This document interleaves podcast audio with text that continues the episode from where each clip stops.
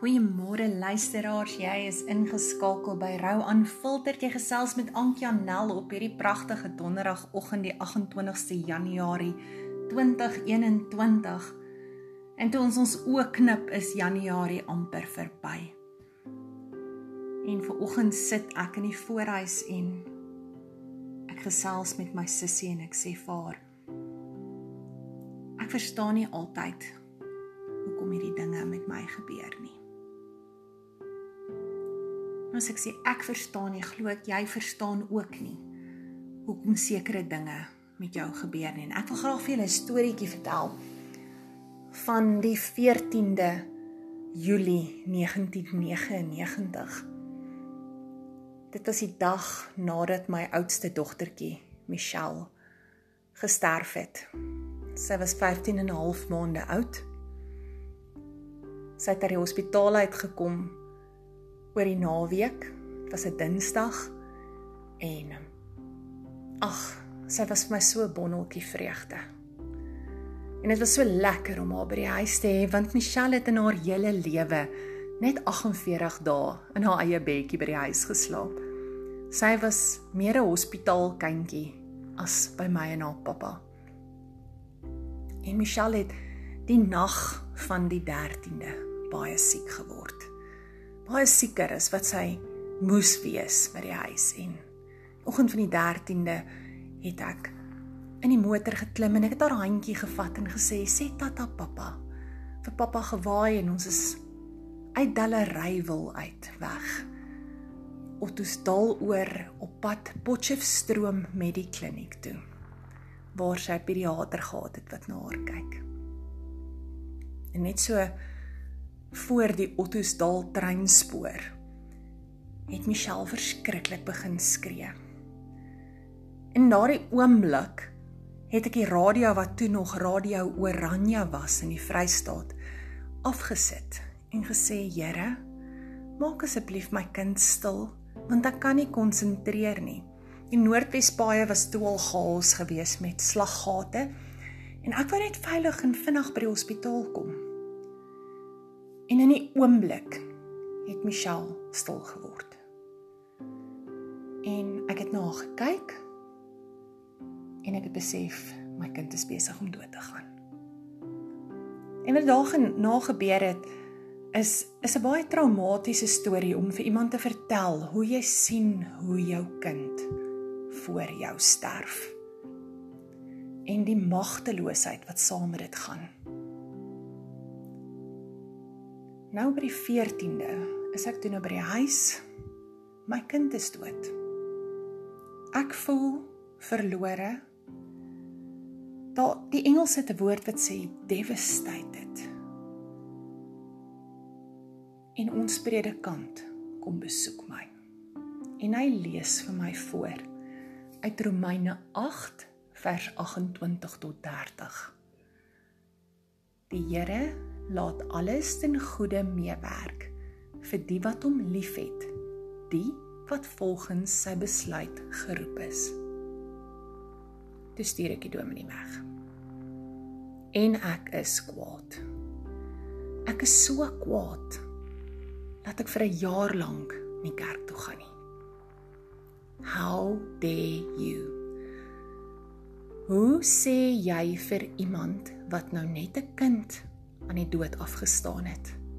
Die Here gaan dit ten goeie laat meewerk. Ooh, ek was kwaad. Vanoggend sit ek en ek dink terwyl ek met my sussie praat, gebeur al hierdie goed met my. My kind is dood. Ek het 13 miskrame gehad. Ek is geskei. My ouers het albei gesterf 5 jaar na my dogter is my pa oorlede. 5 jaar na my ma is my ag na my pa is my ma oorlede.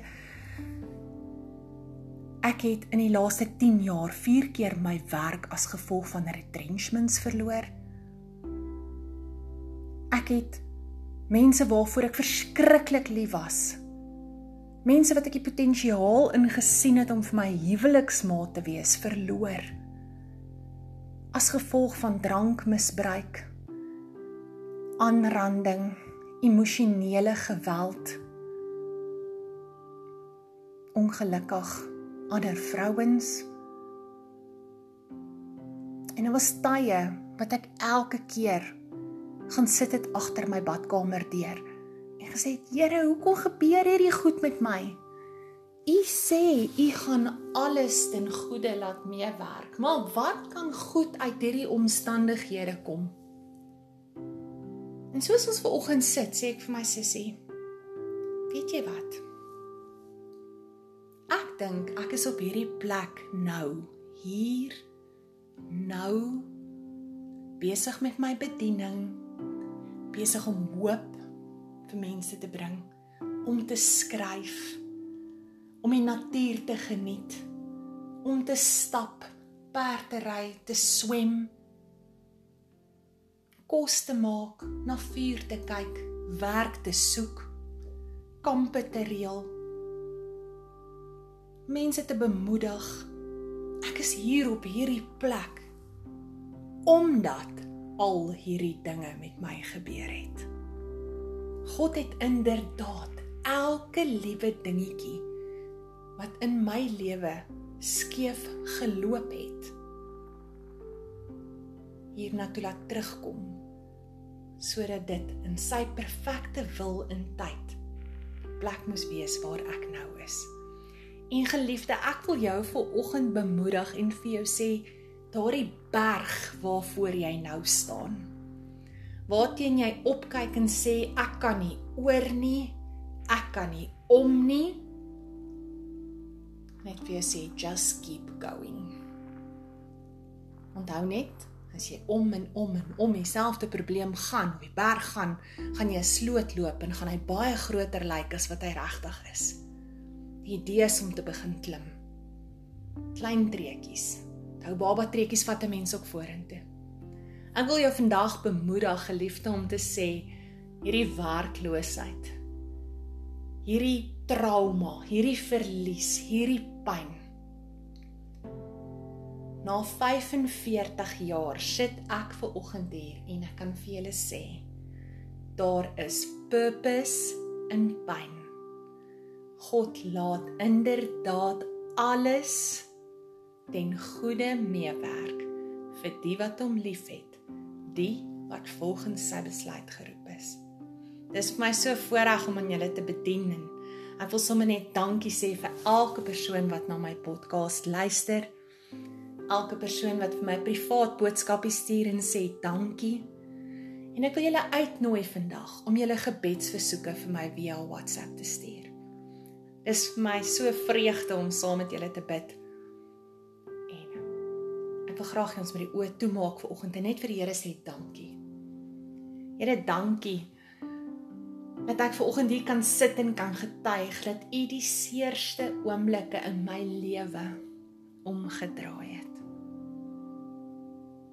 Die kere wat ek gedink het, Here, ek gaan nie verder kan nie. Ek kan nie eers asemhaal nou nie. Hierdie pyn is te groot. Hierdie seer is te groot. Hierdie verlies is te groot.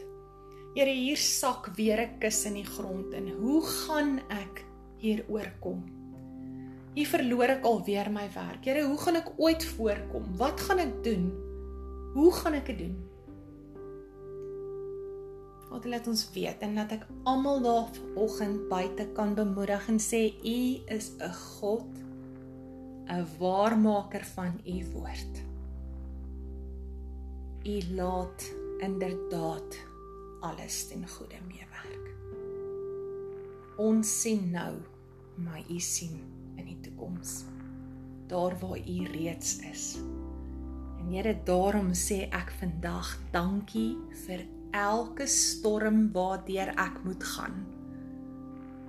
Vir elke vuur waardeur ek moet stap. Want ek weet, storm of vuur, ek kom skoon gewas en gelouter aan die ander kant uit. Dankie Here vir u liefde en die genade en die vrede wat nou om elke luisteraar vou. En dankie dat jy 'n goeie God is. Laat ons kan sê ons het U lief. Dat ons nog vryheid het om te bid tot U en U te aanbid. Dankie Here dat ek kan getuig dat U my God is. Dat U 'n goeie God is. God is good always and always God is good. Amen.